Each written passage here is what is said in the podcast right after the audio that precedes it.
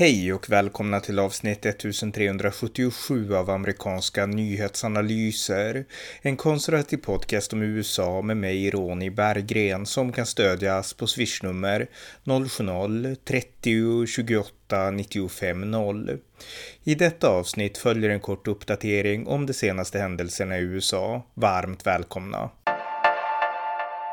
Ja, jag tänkte uppdatera om några av de senaste sakerna i USA och jag tänkte börja med New Yorks guvernör Andrew Cuomo. Och eh, som jag sa i tidigare avsnitt så har ju han eh, han har, eh, ja, det har bevisats att han har utsatts 11 kvinnor minst för sexuella trakasserier och det är bevisat helt enkelt. Och det här fick president Joe Biden att kräva att Andrew Cuomo skulle avgå och de rösterna har höjts från väldigt många andra håll. Och han höll ett tal eh, där han sa att, eh, ja, han sa egentligen det att han kommer att avgå och det kommer han att göra den 24 augusti när eh, guvernörskapet tas över av eh, biträdande guvernör Katie Hochul som då blir den första kvinnliga guvernören i New York. Och eh, ja, Andrew Cuomo som brukar vara en fighter, han insåg att nu går det inte att kämpa vidare längre. Och det här är en person som var väldigt, eh, han var väldigt hypad under coronakrisen förra året, men han har helt fallit från alla former av liksom skyar nu. Och nu är hans karriär över och eh, hans bror Chris Cuomo som är en, ja, en, Eh, en som arbetar på CNN som programvärd. Han eh, kommer förmodligen också att åtminstone i en viss mån dras med i det här fallet nu. Så att eran Andrew Cuomo är över. Och Andrew Cuomo är bara en i raden av demokratiska guvernörer i New York som har skandaler i bagaget. Eh, tidigare guvernör innan Andrew Cuomo tog över. Andrew Cuomo har ju suttit som guvernör nu tio år sedan januari 2011. Och innan honom, då var det en man som hette David Pat Patterson som var guvernör mellan 2008 och 2010 innan Andrew Cuomo tog över. Och eh, David Patterson, han eh, Eh, varit anklagad för väldigt många olika skandaler, för korruption, för lögn och liknande. Och han tillträdde ju samma år som Barack Obama eh, vann presidentskapet. Och Obama vart ju en historisk person för han vart USAs första svarta president och han vart väldigt lovordad, inte minst här i Europa och så. Och han hade en likhet med David Patterson och det var att de båda var svarta. Men eh, David Patterson var korrupt, det var inte Barack Obama. Eh, och eh, David Patterson menade då att de här anklagelserna om att han skulle vara korrupt, det är egentligen bara rasism, sa han. Obama gick inte på det och Obama är själv svart och, och så, utan Obama sa att David Patterson, du borde inte ställa upp för omval. Så att Obama ställde samma krav på Andrew Cuomos företrädare, David Patterson, som president Biden nu har ställt på Andrew Cuomo, nämligen att han borde avgå eller inte ställa upp för omval. David Patterson gjorde så till slut och eh, ja, han ställde inte upp. Och Barack Obama 2010, han gav sitt stöd till en annan demokratisk eh, guvernörskandidat, nämligen Andrew Cuomo. Så Barack Obama gav stöd till honom då istället, som han hoppades på skulle vara bättre än David Patterson. Och eh, ja, nu har Andrew Cuomo också fallit från skyarna. Men det räcker inte där, för att innan David Patterson så fanns det också en annan demokratisk guvernör i New York som hette Elliot Spitzer och han var guvernör mellan 2007 och 2008. Och han fick avgå när det framkom att han hade gått till lyxprostituerade och gjort det under väldigt lång tid. Och eh, ja, sexskandaler blir oftast väldigt stora i USA och det vart så i det här fallet, så han fick avgå. Och den här som jag nämnde tidigare, den här svarta personen David Patterson som tog över efter Elliot Spitzer 2008. Det första han gjorde när han hade tillträtt, bara några timmar efter, det var att han gav en intervju där han berättade att han hade varit otrogen. Och hans fru gav också en intervju där hon också berättade att hon också hade varit otrogen. Och det gjorde man väl då för att på något sätt eh, ja, förekomma framtida journalistiska gräv inför framtida val och framtida smutskastningskampanjer och så. Man ville få ut det liksom i ljuset på en gång ungefär. Så att så är amerikansk politik och det har varit så väldigt länge då. Men här har vi tre demokratiska guvernörer som helt enkelt har misslyckats. Andrew Cuomo, David Patterson och Elliot Spitzer. Ska vi hitta en enda bra och vettig eh, guvernör i New York så får vi gå tillbaks till George Pataki som var guvernör mellan 1995 och 2006. Och eh, han var en bra guvernör. Jag minns honom därför att eh, 2004 så stod han värd för. Det republikanska eh, nationalkonventet som det hölls i New York när George W. Bush vart eh, nominerad för omval. Och eh, ja, då förstår ni att George Pataki var inte demokrat utan han var republikan. Så senast som New York hade en vettig guvernör, det var alltså för, ja, nu blir det för 15 år sedan, när hans sista år då, 2006. Och det var eh, George Pataki och han var alltså inte demokrat utan han var republikan. Så att eh, det kanske behövs en ny era i New York-politiken för att komma bort från korruptionen och eh, skandalen och allt annat. En vanlig, normal, vettig människa som oftast republikaner, inte alltid, men ofta brukar vara, även om det inte är den bild som framkommer i media, men det är ofta så när man lär känna dem och sådär.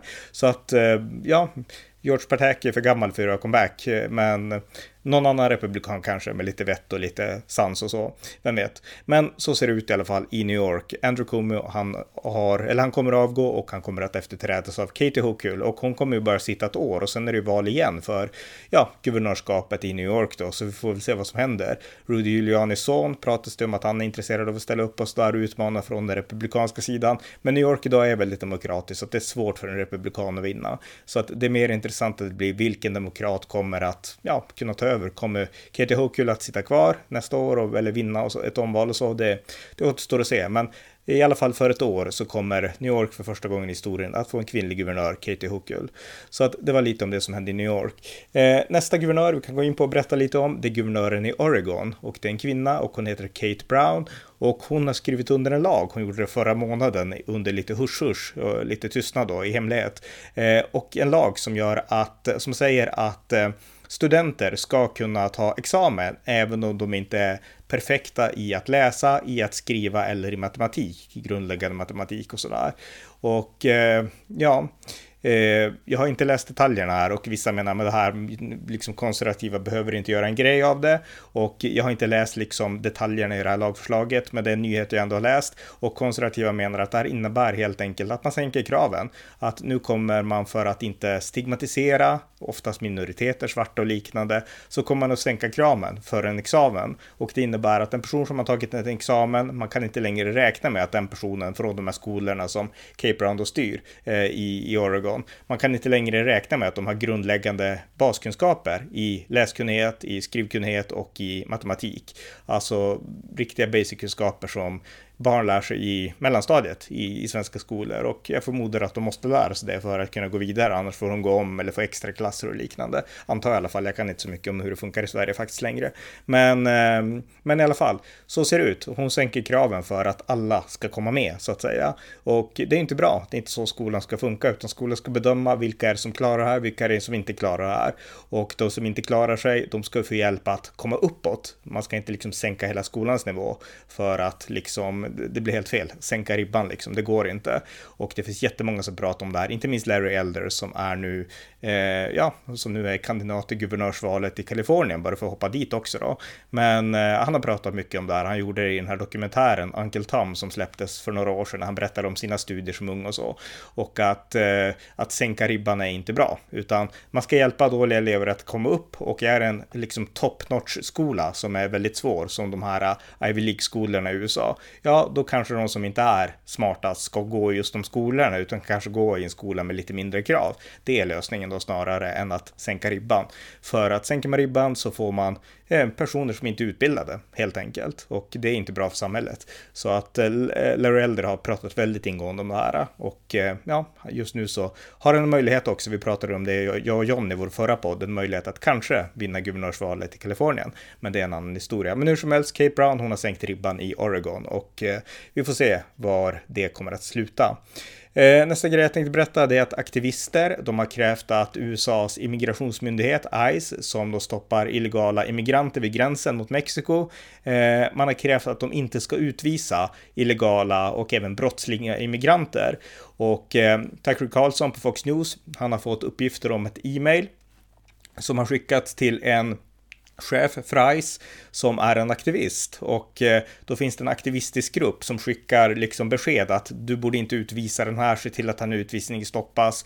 Och den här chefen då på Immigration and Custom Enforcement ICE, han har sagt ja, okej, okay, jag ska stoppa den utvisningen och så vidare. Och besvarat dem i e-mail. Och det här, de här e-mailerna har Tucker Carlson fått nys om. Och eh, han menar då att det här visar att det är Biden-administrationen som är aktivistisk. Lagen säger att de här ska utvisas, men Biden-administrationen gör ingenting för att verkställa utvisningarna och de har till och med tillsatt aktivistiska, ja, chefer på positionerna inom ICE. Eh, så att, eh, och vi vet ju att det är Kamala Harris som har fått befogenheter att styra upp det här. Och eh, ja, en skandal helt enkelt med den här Tucker Carlson. Och nu är det mycket fokus på allt annat som händer, inte minst Afghanistan och så vidare. Eller det är inte så mycket som fokus i USA, men mitt fokus har varit det. Så att, men, men gränskrisen råder fortfarande, det var dit jag ville komma.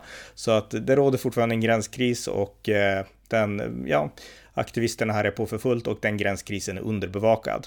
Så att, eh, ja, eh, ett bra gräv av Tucker Carlson. Eh, nästa grej, den stora grejen för Joe Biden, det är att hans infrastrukturplan, hans infrastrukturlag, har nu godkänts till slut av senaten. Det är inte helt klart än, den kommer nu att bollas tillbaka till representanthuset och det måste godkännas där också. Och där finns det också fortfarande saker att arbeta igenom. Men den här lagen, infrastrukturlagen, som inte jag heller har detaljsatt mig in i än riktigt, jag, jag har faktiskt inte tänkt mera riktigt jättebra. Men det här är en viktig grej och det här är, eh, ja, man kan säga att det är jämförbart med, med Obamas stimulanspaket eller till och med Obamacare när Obama var president. Eh, för det här blir Joe Bidens stora inrikespolitiska reform, infrastrukturlagen, om man får igenom den. Och i det här paketet så är det inbakat massa olika saker, olika eh, pork barrel spending och liknande där Demokraterna vill ha sitt och Republikanerna sitt och så bråkar de om sånt. Men Biden vill lyfta den amerikanska infrastrukturen. Det är det som är liksom det övergripande målet och lyckas han med det så lyckas han med någonting som behövs i USA och det skulle bli en viktig del av hans inrikespolitiska legacy, Joe Biden. Så att det här är väldigt viktigt för honom och att senaten har godkänt det är ett steg på vägen. Eh, nästa sak som kan nämnas, det är ju Afghanistan. Alltså Joe Biden pålyste i april att USA skulle dra sig ur Afghanistan och det som hänt sedan dess är ju att talibanerna har tagit över nästan hela landet inom loppet av en vecka. Och eh, det här är, eh, ja, det är en enorm tragedi för alla i Afghanistan. Och Joe Biden fick en fråga på den presskonferens han höll igår eh, om han ångrar att han nu har dragit tillbaka de amerikanska styrkorna från Afghanistan eftersom det nu händer så mycket fruktansvärda saker. Och Biden sa nej, han ångrar sig inte. Han sa så här att eh, vi har satsat en biljon dollar, vi har satsat 20 år, vi har satsat amerikanska liv och eh, ja, nu måste afghanerna kämpa för sig själva, strida för sig själva, sa han. Så han var glasklar, Joe Biden, att det här är, vi ångrar oss inte, vi kommer fortsätta stödja med flygunderstöd, eh, vi kommer fortsätta betala lönerna till liksom de afghanska soldaterna, vi kommer fortsätta ge utrustning, reparera deras flygplan och liknande, men vi kommer inte att kriga åt dem, utan nu måste afghanerna själva vilja kriga för sitt eget land, för sin egen nation, sa Joe Biden. Så han var glasklar och det intressanta med, med hans uttalande, det var ju att det lät ungefär som någonting som Donald Trump hade kunnat sagt. America first, vi har gjort vårat, nu måste ni göra ert. Väldigt tydligt besked. Och eh, ja, jag tycker att det här var ett misstag av Biden att, att dra tillbaka de amerikanska styrkorna eftersom ja, det som nu sker är en humanitär katastrof. Men det gör också att eh, de här 20 åren som USA har satsat, tar talibanerna över, då var det förgäves. Så att eh, Biden kommer att bli ihågkommen eh, utrikespolitiskt, eller i alla fall så ter det sig troligt nu, att han kommer att bli ihågkommen som den president som förlorade Afghanistan. Och eh, det är någonting som amerikanska presidenter oftast inte vill bli ihågkomna som, den som förlorade det eller det landet. Men så kommer det nog bli i Joe Bidens fall. Och eh, ja, han har ju tagit det beslutet så. Men jag tycker att synd både av humanitära skäl och av prestigeskäl för USA. Men däremot så håller jag med Joe Biden. Alltså USA har betalat ett oerhört högt pris och det är inte amerikanska unga män och kvinnor som ska liksom offra sina liv och bli sönderskjutna i Afghanistan för afghanernas skull. Afghanerna själva måste ta ansvar och de har fått 20 år på sig så att eh, det finns en logik i det Biden säger och för de amerikanska soldaternas skull så ja, jag tycker inte att, att det är fel trots tragedin så att jag är inne på Bidens spår lite grann. Även om jag tycker att man, om man nu hade kunnat vrida klockan bakåt så vore det bättre att, att stanna kvar för att det här inte skulle ske och på något sätt ge Afghanistan lite längre tid. Nu är frågan, ska man ge Afghanistan en andra chans på något sätt? Därför att det som sker nu är fruktansvärt. Ska man skicka in liksom, mm, jag vet inte, kommandostyrkor eller ja, ytterligare flygplan bara för en kort tid för att fördriva talibanerna en gång till och ge afghanerna sista sista chans att enas, att samla sina säkerhetsstyrkor och att själva göra jobbet? Ja, jag har inget svar på den frågan just nu, men det där var i alla fall Bidens syn på saken. Han ångrar sig inte. Eh, och eh, nästa sak då, på tal om ånger och liknande, så har nu USA, USA gått ut, för de har ändå sagt att de accepterar inte talibanerna, de tolererar inte talibanerna och man har hotat med att om talibanerna tar över Afghanistan ändå så kommer man inte att erkänna talibanerna.